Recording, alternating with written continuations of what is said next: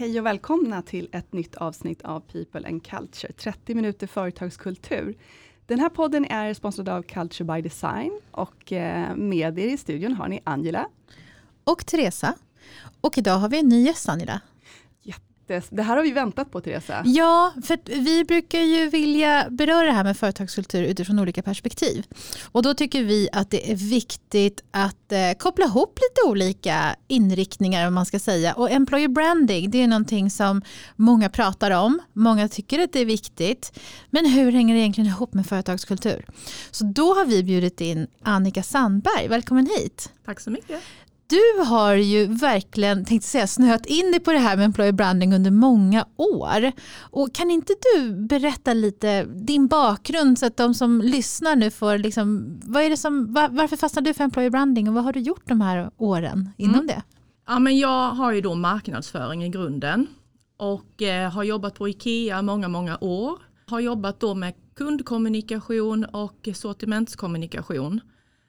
Sen kom det en dag när jag tänkte men jag är inte längre så intresserad av produkterna utan nu börjar jag intressera mig väldigt mycket för vilka vi är som tar fram produkterna, vi som kommunicerar produkterna och hur vi gör det. Och på vilket sätt vi jobbar ihop. Och där någonstans vaknade mitt intresse för medarbetarengagemang och employer branding. Och eh, hur gör vi den här arbetsplatsen till en härlig plats att vara på.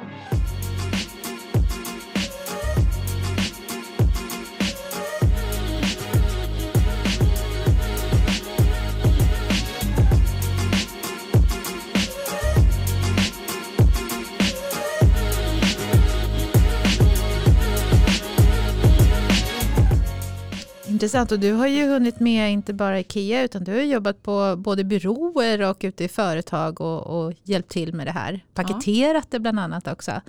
Men vad skulle du säga för de då som inte riktigt har koll på det här med employer branding. Du sa ju medarbetarupplevelsen då bland annat. Men employer branding, vad står det egentligen för?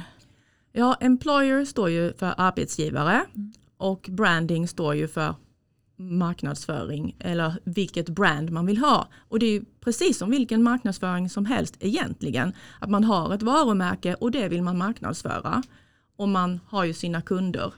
Och det här är precis samma sak fast det handlar om att arbetsgivaren har ett varumärke och har sina medarbetare och hur gör vi det här bra tillsammans. Så enkelt sagt är det att marknadsföra sitt arbetsgivarvarumärke. Finns det dos and don'ts? Ja, det finns det. Absolut. Och det allra viktigaste på DOS är ju att man tar reda på sanningen. Att man kommunicerar. Jag är väldigt mycket en sanningsmänniska. Det ska vara ärligt, transparent. Så här ser det ut, inga konstigheter. Och att man tar det från inifrån och ut. Det är ju det viktigaste do. Och det viktigaste don't tycker jag kanske är då motsatsen. Hitta inte på någonting eh, om hur det är för att det låter bra i en rekryteringskampanj eller eh, någon annan gång. Utan det är väl de viktigaste dos and don'ts. Var ärlig, hitta inte på. Det blir den här eh, som eh, det här uttrycket som vi hörde för några år sedan, här, sminka inte grisen. Ja, Exakt. För det är ju så här att medarbetarna kommer ju ändå komma in sen i en organisation och har man då inte varit ärliga då kommer ju den här, eh, jag tyckte det var så bra i ett avsnitt eh, när vi hade vdn för eh, Signy, pratade ju om just det att man kan ju faktiskt döda engagemang. En, som, en medarbetare som kommer in i en organisation har ju ett stort engagemang, men det har vi alla. Men att då komma in och se, inse så här, nej men det här stämmer ju inte. Den här då marknadsföringen av den här arbetsgivaren går ju absolut inte ihop med verkligheten. Och då kommer man ju döda engagemanget. Mm. Då går det ju fort. Mm. Och det är ju livsfarligt. Och om man då tittar på medarbetarresan så handlar det ju om, det är ju hela HR-processen, alltså från att attrahera till att rekrytera och det ni alltid pratar om, onboarding, hur blir det här så bra som möjligt, hur kommer, hjälper man medarbetarna att komma in i sitt jobb så fort som möjligt, så bra som möjligt. Sen gäller det ju att behålla de som är bra och där någonstans tycker jag, jag tycker att fler och fler förstår att det är en jätteviktig pusselbit i det här. Eh, jag tycker däremot fortfarande att det känns som när jag, jag hänger mycket på LinkedIn och ser hur annonser är utformade och sådär. Och jag tycker att det blir lite för orättvist mot employer branding som begrepp när man pratar om employer branding så hårt förknippat med talent acquisition och rekrytering. För det blir, det blir liksom bara en tårtbit av hela kakan. Och om man översätter, vad betyder det då, det jag just sa? Jo, det betyder vi vill att du är på en mässa, vi vill att du lockar till dig våra mm. unga talanger och sen ska du rekrytera dem och sen börjar du om. Att du, alltså. Mm. Och det är en sån liten del av hela kakan. Och precis som du var inne på där Angela med att inte döda engagemanget. Man har ju ett stort engagemang när man börjar någonstans. Så att när de då väl har rekryterat så ska ju den personen såklart få göra det som den brinner för, gå i den riktningen den vill. För det finns ju en tårtbit som heter engagera och utveckla i allt det här. Och det är ju för att inte tappa de bästa. Vi måste jobba internt med den interna stoltheten. Och det är just den interna stoltheten, när den kommer till, det är då man verkligen kan gå ut och prata på riktigt. Här har vi något att säga. Så här säger medarbetarna. Det är inte ledningen som har hittat på det, det är inte vdn som har hittat på det, det är inte hur det var för tio år sedan, det är hur det är nu.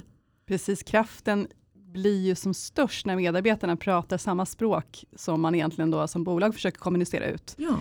Men det, det som du säger nu är ju, och jag håller med dig, det är att fokus i employer branding blir väldigt mycket attrahera.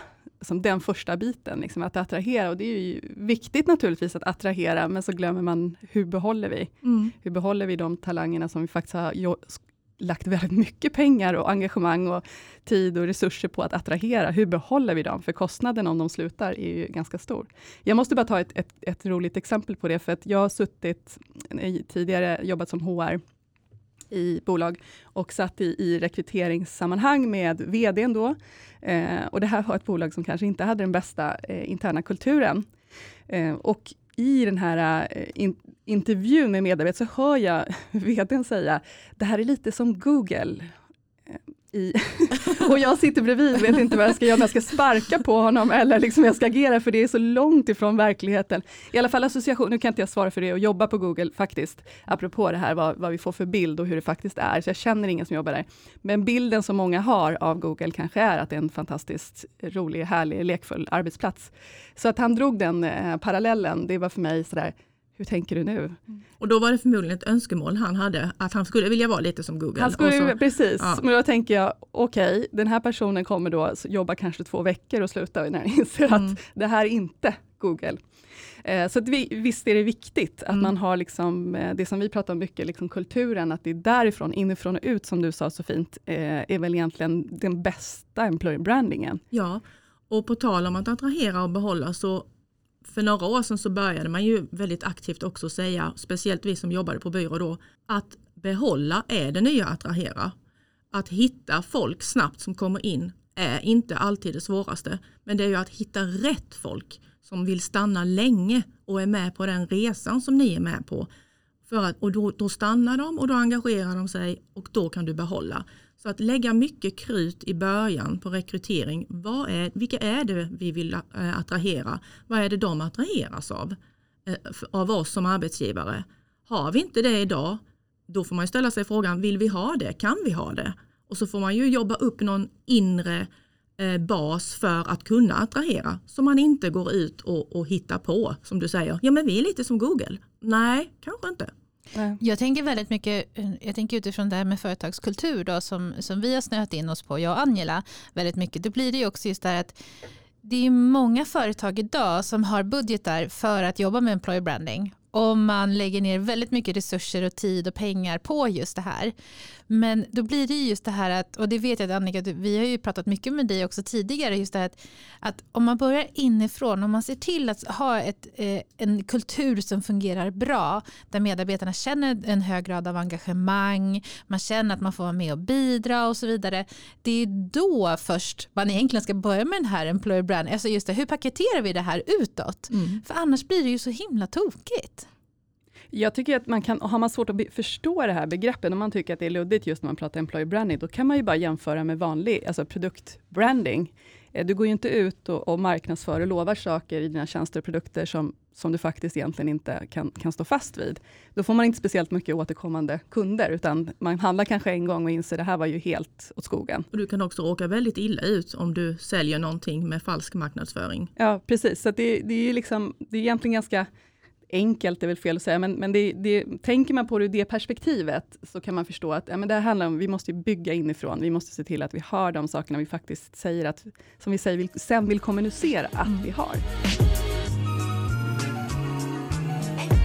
Någonting Annika som jag funderade lite på nu när vi pratar, det är just den här kopplingen till Ja, men du säger att det finns så många, fler delar av tårtan än bara just den här attrahera och rekrytera.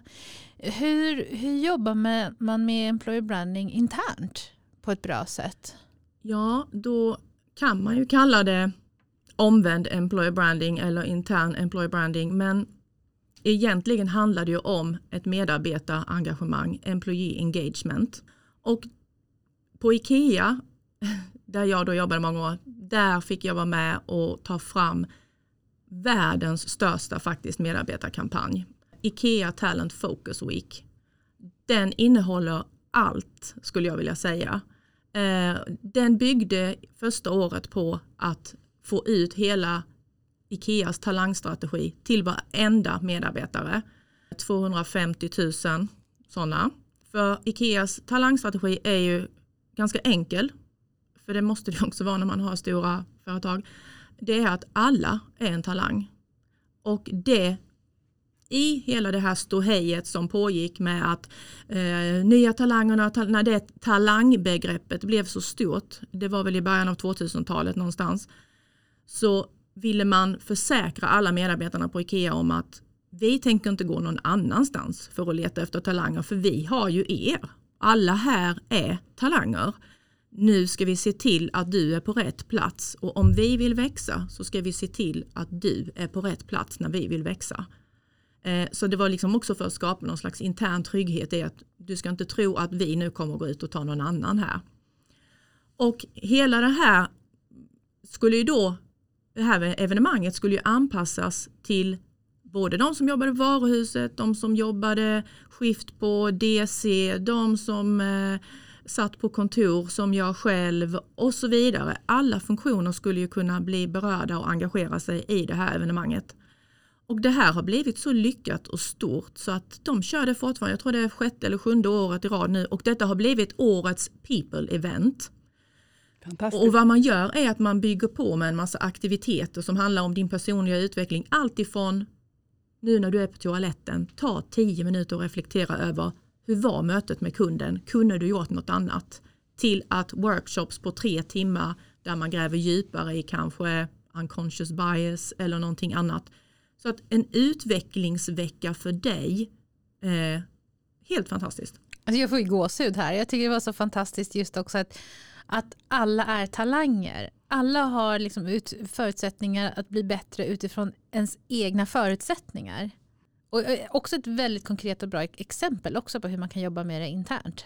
Och jag brukar säga att alla företag kan ha en Talent Focus Week där man utifrån våra behov just nu, var befinner vi oss, vad behöver vi göra för att få en förflyttning och hur, hur vill vi hjälpa våra medarbetare att växa? Är det någonting, då gör man ett event kring det och så erbjuder man eh, workshops eller chats eller vad det än kan vara. Mm. Ja, väldigt intressant. Eh, jag jag tycker det är roligt också att när man tittar på exempel på um, employer branding av, liksom, av olika slag, när man liksom kikar runt i social media och så vidare, och även övrigt. Och apropå det här att liksom bygga inifrån och ut, något som jag eh, noterat, jag vet inte om ni har sett det också, McDonalds senaste kampanj här, när de eh, går ut och säger att de har alltid trott på ungdomar. Jag tycker den är så bra. Alltså prata om att jobba inifrån och ut, för det är någonting de faktiskt har gjort och gör, så är det ju det att de tar ju, det, det är ju känt mycket som den, liksom, den första arbetsplatsen för många människor, unga människor, och många, som jag vet i alla fall, eh, gamla kollegor som har jobbat där tidigt, när de var yngre, berättar det som en väldigt bra första arbetsplats. Så jag tycker det är så klockrent att verkligen välja den vägen, att här, visa, det här är vi, det här vi alltid trott på er. Liksom att man känner liksom den här samhörigheten och visar ungdomar i olika eh, under olika årtionden och hur de alltid har funnits där för dem. Och det är så roligt att du nämner just McDonalds för det var faktiskt en kampanj de gjorde för några år sedan som fick mig att riktigt tända till.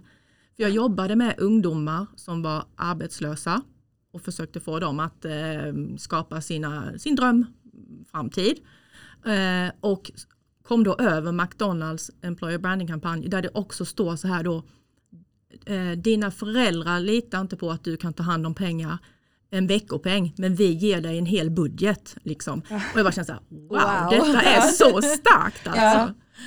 Ja, de ja. når verkligen fram. Mm. Det är intressant. Hur, och, och, det är så, det är lite det man, man vill när det är något, när ett budskap som både verkligen bottnar i organisationen och vad de står för, som jag tror att de flesta på McDonalds säkert kan skriva under på, att det är så, och sen då också berör. Då har man ju liksom lyckats när vi pratar kampanjer, men det är ju inte employer branding, det handlar inte bara om liksom externa kampanjer i den formen, men just det här fallet så men jag tänkte också lite på den här, eh, apropå det du var inne på nu Angela, det här med kampanjer och så. Finns det, finns det olika sätt att, att förmedla en företagskultur mer framgångsrikt när det gäller just employer branding, när man liksom tittar utåt så?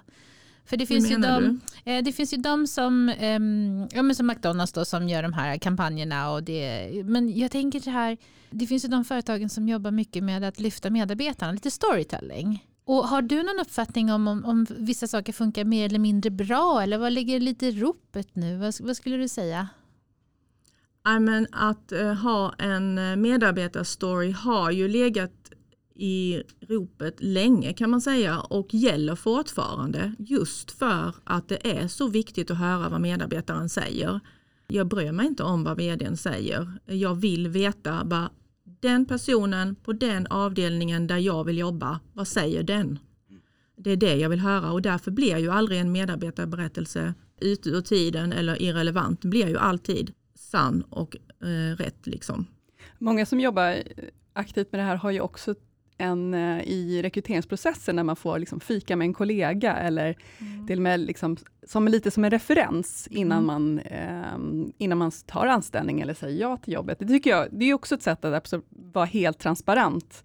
Eh, jag tror jag fick i ett tidigare jobb fick jag ja, men erbjudande om att men du får ringa, gärna ringa någon av dina kollegor om du vill. Nu, nu hoppade jag aldrig på det erbjudandet, men bara att det kom fram kände, fick ju mig att känna så okej. Okay, mm. det här satt jag och pratade med min blivande chef och han var, liksom, sa till mig att men jag kan ju inte säga hur jag är som chef egentligen, det får du prata med dina eh, kommande kollegor med om. Så det tycker jag är ett tips som man kan ta till sig om, om man är modig nog och, och vågar göra det. För, för jag brukar alltid säga så här, det där, det där tar man ju alltid reda på ändå. Så det finns liksom ingen anledning att försöka gömma sådana saker, utan låt det vara istället mm. öppet och var öppen med brister. Det tänkte jag fråga dig, apropå det, för det är något som vi pratar mycket om, att vara, vara transparent i rekrytering, att liksom prata kring utmaningar man har. Och vad, vad, säger du om det? Det här med också liksom, ja, möjligheten att titta på er medarbetarundersökningsresultat och sådana saker. Tror du, är det någonting du ser eh, är vanligare, att man blir lite mer, har lite mer koll och ställer sådana typer av frågor som medarbetare eller ja. som kandidat? Ja, men det, det, tror jag och som sagt ehm, det är ju därför också de här medarbetarstories är viktiga. Man går in på hemsidan, man kollar, man vill läsa om kulturen, man vill läsa om det folk säger, hur är det att jobba där och, och självklart så är det ju någonting som också har kommit fram i medarbetarundersökningen. Men jag, jag är inte säker på att vi är där att de flesta börjar fråga efter vad säger medarbetarundersökningen. Men jag tycker att det är väldigt relevant och jag skulle också kunna önska att, för det var ju ett tag sedan man sa att intervjun är inte bara eh, företaget som ska in, intervjua den som ska anställas utan det är ju verkligen också den, anställd, den potentiella kandidaten som ska få ställa frågor till företaget. Mm har ju lika stor rätt att få veta saker. Mm.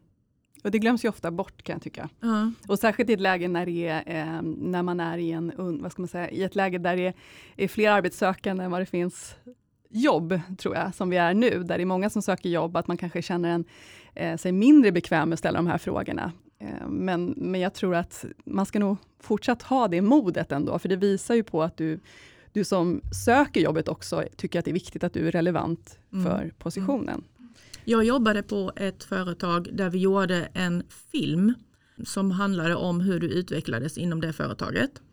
Och då var jag väldigt mån om, för då skulle vi ha tre medarbetare som skulle berätta om det. Och då var jag väldigt mån om att vi skulle ha en medarbetare som skulle berätta om att det inte alltid är så lätt. För att eh, det är inte alltid man klickar med sin chef och även om jag vill driva saker själv så kanske inte min chef ser det av någon anledning eller vill inte, vi klickar inte som par. Och då får man kanske byta jobb inom företaget eller så att man får en annan chef som man får chans att utvecklas. Då sa den chefen för eh, det talangprogrammet att det vågar inte jag. Så vågar inte jag att vi pratar. Och då sa jag just det, men vet du vad, det här kommer komma ut ändå. Och vi kan tvärtom få väldigt mycket cred om vi vågar säga det här. Och det var precis det som hände. Hon släppte taget, vi fick göra filmen som den var. Och det blev precis det. Gud vad härligt att se att det var någon som sa att det är inte alltid så lätt, för det har jag känt. Det beror väldigt mycket på omständigheterna och chefen. Det gör ju också att de andra storiesarna blir mer trovärdiga. De så säga, som berättar om det, det fantastiska och det lyriska, de blir också mer trovärdiga ja. om det finns en balans.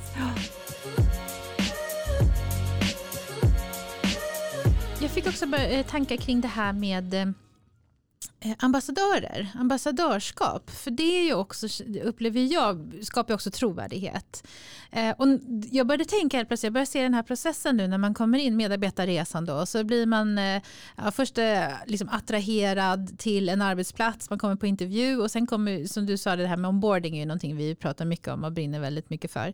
Och då insåg jag så här också att men det hänger ju också ihop, employer brand, för att om man kommer som nyanställd och så säger vi då att eh, det finns ju många bolag som jobbar med det så att ja, men man får vara med på konferensen på en gång. Du har inte ens börjat. Du har signat men du har inte börjat. Den här preboardingen då. Så får du vara med på konferenser, du får vara med på möten och du får vara med på, ja, du lär känna dina kollegor redan innan du liksom kommer in genom kontoret så att säga. Och det är också employer brand. För då kommer de troligtvis, men det vet vi ju själva, eh, Annie Lever tror vi har nämnt det kanske någon gång i podden, här, men när vi blev anställda på vår förra arbetsplats så fick vi hem en liten eh, chokladask, sju chokladbitar. Och det la ju, det, så fort jag fick det la jag upp det på social media och sa så här, men gud vad kul. Snacka om att man är taggad inför att komma till jobbet. Ja, jag med. Och jag tror att jag skulle säga 90 procent av alla gjorde nog det. Ja, och det blir också en employer brand. Mm. Så där blir det också lite den här eh, eh vad säger man, marknad, hjärta, HR på det sättet. Ja, och där har jag så mycket jag vill prata om egentligen. Och eh, det jag vill säga på det här ämnet är ju om det sitter någon liten, lite mindre företagare eller oavsett om det sitter någon nu och lyssnar och tänker hmm, det där kanske man ska ta tag i. Så tänker jag, ja gör det. För att employer brand har du oavsett om du jobbar med det eller inte. Och frågan är ju, vill du vara med och påverka det? Eh, och det är där allting börjar. Och de flesta skulle nog kunna säga, ja men jag vill ju att mitt företag ska vara härligt och där ska ju folk kunna trivas och vi ska ha det bra och göra fina grejer tillsammans då kan du inte bara sitta och vänta eh, om inte du har anställt eh, 100% ambassadör för ditt företag. Alltså, mm, mm. Du måste jobba aktivt med det. Och för att kunna, om vi går tillbaka till det här employer branding som betyder marknadsföring, ofta hamnar ju hela EB-strategin som ska tas ut i aktiviteter på marknadsavdelningen. Ja. För att det är marknadsföring. Det man måste tänka på då och som jag har sett att man missar också, det är ju, fast det är ju HR-frågor och sitter där en ren marknadsmänniska som är jätteduktig på sälj och marknadsföring men som förstår inte content. Vad är det vi ska prata om och på vilket sätt? Så blir det heller inte hundraprocentigt. Så det här marknad eller HR-hjärta kommunikation, marknad är så viktigt i all EB-kommunikation. Men vi måste reda ut ytterligare ett begrepp, tänker jag, för de som lyssnar, som, som det här är lite nytt för. Mm. Eh, för något som också florerar ibland är ju EVP. Mm.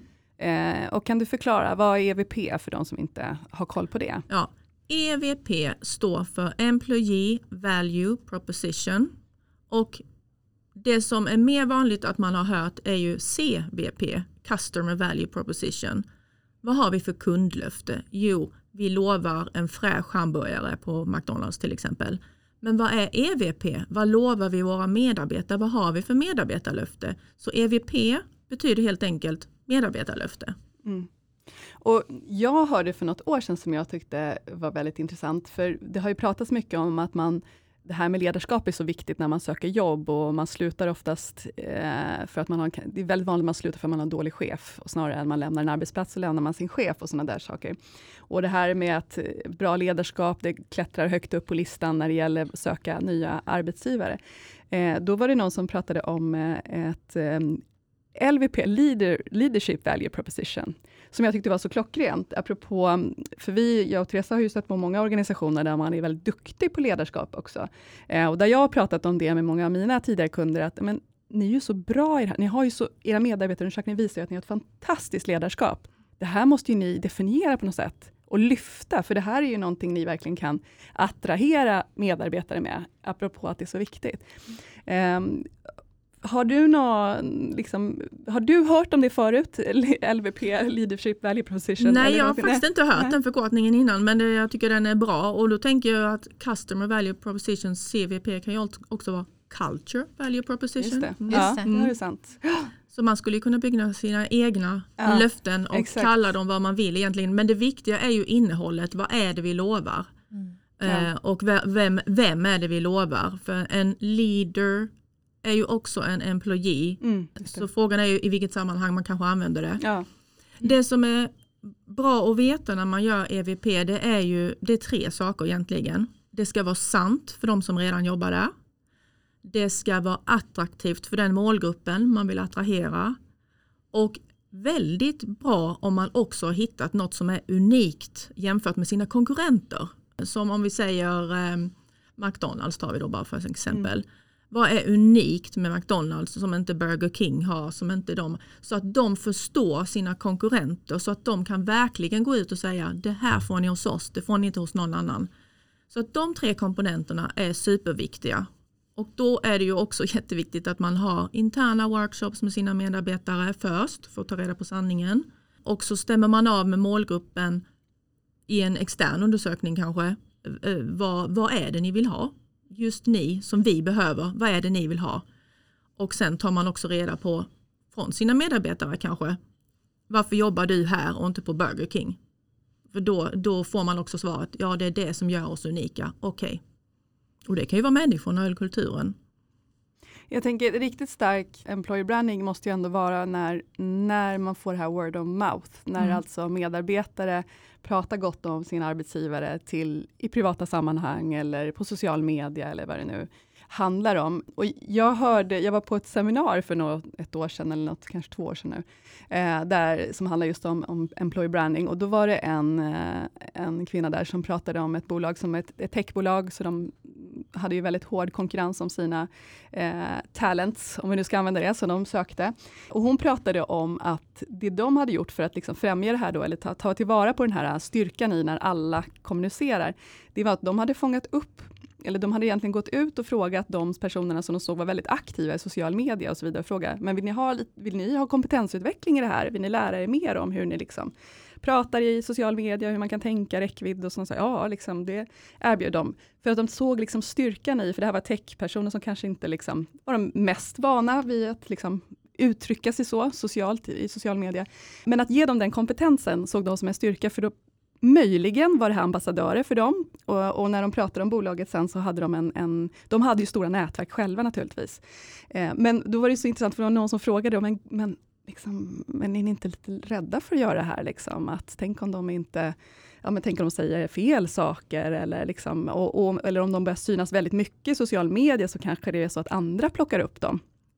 Och då hon sa, ja, men det är liksom, det är lite det här som, det finns ju någon som sa det, men när ska vi satsa på medarbetarna och sen slutar de? Ja, men tänk om det omvända, vi inte satsar på dem så är de kvar, liksom, att vi inte investerar någonting. Mm. Så hon såg det, och jag tyckte det var så, jag tycker det var så klockren grej, att liksom erbjuda den möjligheten, för att sen stärka då eventuellt, när man är duktig på sitt employer branding inifrån, så får man då medarbetare som också kan kommunicera om det. Mm. Vad finns det mer då? För, jag tänker för de som lyssnar nu och, och känner det här med att, ja men okej, men hur, var börjar vi någonstans då? Hur får vi ihop det här med HR och kommunikation och marknad? Jag tyckte det var jättebra, du drog ju bra exempel där med att man liksom workshoppar med medarbetarna och man går ut och frågar externt och så vidare. Men vad, skulle liksom, vad, vad, vad har du för konkreta tips till dem nu när de ska sätta sig och börja prata ihop sig lite här, HR och marknad? HR och marknad, ja, jag tror att när det gäller själva marknadsföringsbiten så tror jag att de förstår varandra. Men det, jag tycker det handlar om att eh, de som jobbar på marknad behöver förstå att de behöver förstå HR. Ja. Så att jag vet inte riktigt var man börjar. Där, det har ju väldigt mycket med deras attityd att göra. Eh, förstår de inte vad employer branding är och inte vill förstå det så kan de ju köra på på sitt sätt. Mm. Va? Men jag tänker att eh, så, som vi, så som jag har jobbat då gör man ju liksom en corporate calendar tillsammans kanske. Mm. Att eh, de här sociala medieinläggen ska vi ha under våren. Hur kan vi ta varannat inlägg och vända på det och säga kan vi lyfta medarbetaren i det här inlägget istället för att säga eh, vi sänder fantastisk radio, eh, lyssna på de här låtarna. Kan vi då säga här är killen som gör tekniken möjlig för att ni ska kunna lyssna på radio. Han jobbar med det här. Alltså att man kan få, då kan man väcka ett intresse. För det, det handlar ju hela tiden om att vi bygger samma varumärke. Men hur kan vi vända på klossen lite så att man kan se den andra sidan, medarbetarsidan. Och så har jag upplevt är ett framgångsrikt recept, om vi nu ska säga det, att ta samma händelse som de vill prata om på marknad, försök att få den ur ett medarbetarperspektiv. För det blir också ett sätt att träna dem i att tänka, ja just det, det är en medarbetare bakom som gör det möjligt. Jättebra exempel. Ja, verkligen. Det är ju verkligen konkret och enkelt att liksom börja där. För då är det inte heller att man behöver uppfinna hjulet utan det är bara försöka skifta lite fokus mm. på en befintlig kampanj. Mm. Har pratat en del nu Annika om eh, eh som det här bygga employer branding inifrån och ut och vi har pratat lite om onboardingen, hur viktig den är i, i det, men också utvecklingen. Men det finns ju någonting, vi var inne på det i ett annat poddavsnitt, vi pratade också om exiten, avslutet. Har det, kan det även det ha en effekt på employer branding? Absolut, för att när vi pratar om ambassadörer så alla som slutar på ett företag oavsett om de har valt det själv eller inte så är ju de en ambassadör för företaget. Och om man, jag ser ju det som en stor möjlighet för alla företag just för att man jobbar inte så jättemycket med avslutare. Det är inget kul. Uh, varken för den ena eller den andra. Liksom, ja men okej okay, du har valt att gå vidare, lycka till, ha det bra, tack för alla år, här får du en blomma, varsågod. Uh, sen slutar det där liksom. Det skulle ju kunna hålla på mycket längre egentligen och man skulle ju kunna ha någon slags uh, inte bara alumni som i att eh, du är en gammal medarbetare, du kan ju kolla lite vad de andra gör också, eh, utan mer nu behöver vi ha in någon som har varit här i 20 år innan som faktiskt kan prata om hur det var på den tiden. För nu behöver vi ta ett nytt grepp om någonting eller vad det kan vara. Då skulle man kunna bjuda in eh, till speciella seminarier eller någonting. Så jag tycker den tårtbiten är under, eh, vad heter det? De, man, man, har inte tagit tag mm. i den. Där finns jättemycket kul man kan göra som kan bygga employer brand på och just det, om vi pratar om de yngre också som lämnar av någon anledning kanske vill komma tillbaka. Så det finns ju hur mycket som helst att göra. Jag hade en kund tidigare, nu vet jag inte om jag har berättat om det här, men jag tar det ändå, som gjorde så att de skickade hem blommor ett halvår efter Eh, personen hade slutat. Och så skrev de så här, vi tänker på dig, eh, saknar dig och hoppas det går jättebra på din nya ställe eller vad det nu är. Jag tyckte det var så himla härlig grej, just att det har gått en tid och visa på att ja, men du finns fortfarande i, vårt, i våra tankar. För det är ju något man själv har känt när man slutar på en arbetsplats, oj vad snabbt jag eh, blev oviktig. det går fort, man har lämnat bort sina arbetsuppgifter och så, så känns det som, nej, det är som att jag aldrig varit där. Och, så jag tror den här grejen också att fånga upp det, låta gå lite tid och sen kanske ha en process för att fånga upp de här som har slutat en, en bit. För det kan ju vara så att man har ångrat sig. Mm. Eh, och det kanske var en person som man trivdes, som man hade väldigt, som var väldigt bra för bolaget, som man kanske vill ha tillbaka. Det finns ju så många aspekter på det där. Eh, men också visa, tycker jag, att man avslutar med en god känsla i mm. magen. Och jag har en kollega som faktiskt eh, fick, eh, hon hade varit på en härlig arbetsplats och kom till en annan härlig arbetsplats. Men då när det var alla hjärtans dag, då fick hon faktiskt ett vykort från sin gamla arbetsplats där det stod Saknar oss inte lite, vi saknar dig. Eh, jag tyckte det var fint. Ja. Och jag tänkte också på det här med att um, kopplingen också igen. För att om man sätter en strategi kring employer branding just vid exit, då, alltså de som har lämnat företaget, det, då kräver det också återigen kopplingen till företagskulturen. Att man har haft en bra kultur sedan innan så att medarbetaren också vill vara involverad även efter och har en god upplevelse. Så då blir återigen, jag tycker det blir, det blir nästan så här, det, det ramar in det igen att jag inifrån ut även om man tänker andra änden av medarbetarresan. Mm att det är jätteviktigt att man jobbar med kulturen där så att man då sätter upp de här strategierna och att de kommer fungera. Att medarbetaren kommer kom, vilja komma in på det där seminariet sen och berätta och sådär. Så att jag ser verkligen, ja det är så mycket kopplingar här emellan verkligen. Så viktigt att det hänger ihop. Mm. Och jag skulle nog kunna avsluta med att säga att, eller inte avsluta med, men jag skulle kunna säga så här. Eh, på tal om vilket håll går vi åt. För många år sedan så var det kanske så här. Jag är intresserad av vad jag får göra. Jag vill klippa hår. Mm. Sen har det liksom blivit mer, varför ska jag jobba på den salongen? Vad gör de som inte en annan salong gör? Och nu är vi ju så mycket i huret och kulturen. Men hur gör de det på den salongen? Ja men där gör de det på det här sättet. Det vill jag vara en del av. Och när man då nu tar fram sitt EVP och bygger sin EB-strategi så ska man ju låta kulturen ta stor plats där i. För det, det, är ju en av frågorna man ställer i en sån intern workshop. Hur, hur är kulturen hos er? Och då får man ju också vara lyhörd som ledning. Där får man ju jättemycket input från medarbetarna. Är det någonting vi behöver jobba med här som har med kulturen att göra som skulle kunna göra att vi får ännu fler härliga medarbetare i framtiden? De fantastiska orden får ju avrunda det här spännande samtalet som vi skulle kunna fortsätta med. Som alltid när det är intressanta gäster. Tusen tack Annika, det var väldigt värdefullt, det var väldigt konkret. Eh, och vilket vi verkligen uppskattar och brukar våra lyssnare också uppskatta. Så, eh, ni som lyssnar, har ni några frågor till Annika, det är bara att mejla in till hello at culturebydesign.se så skickar vi dem vidare. Och som vanligt hör av er om ni har tips på gäster och ämnen som ni vill att vi ska ta upp. Stort tack för din tid, du som har lyssnat. Ha det gott. Tack. Tack.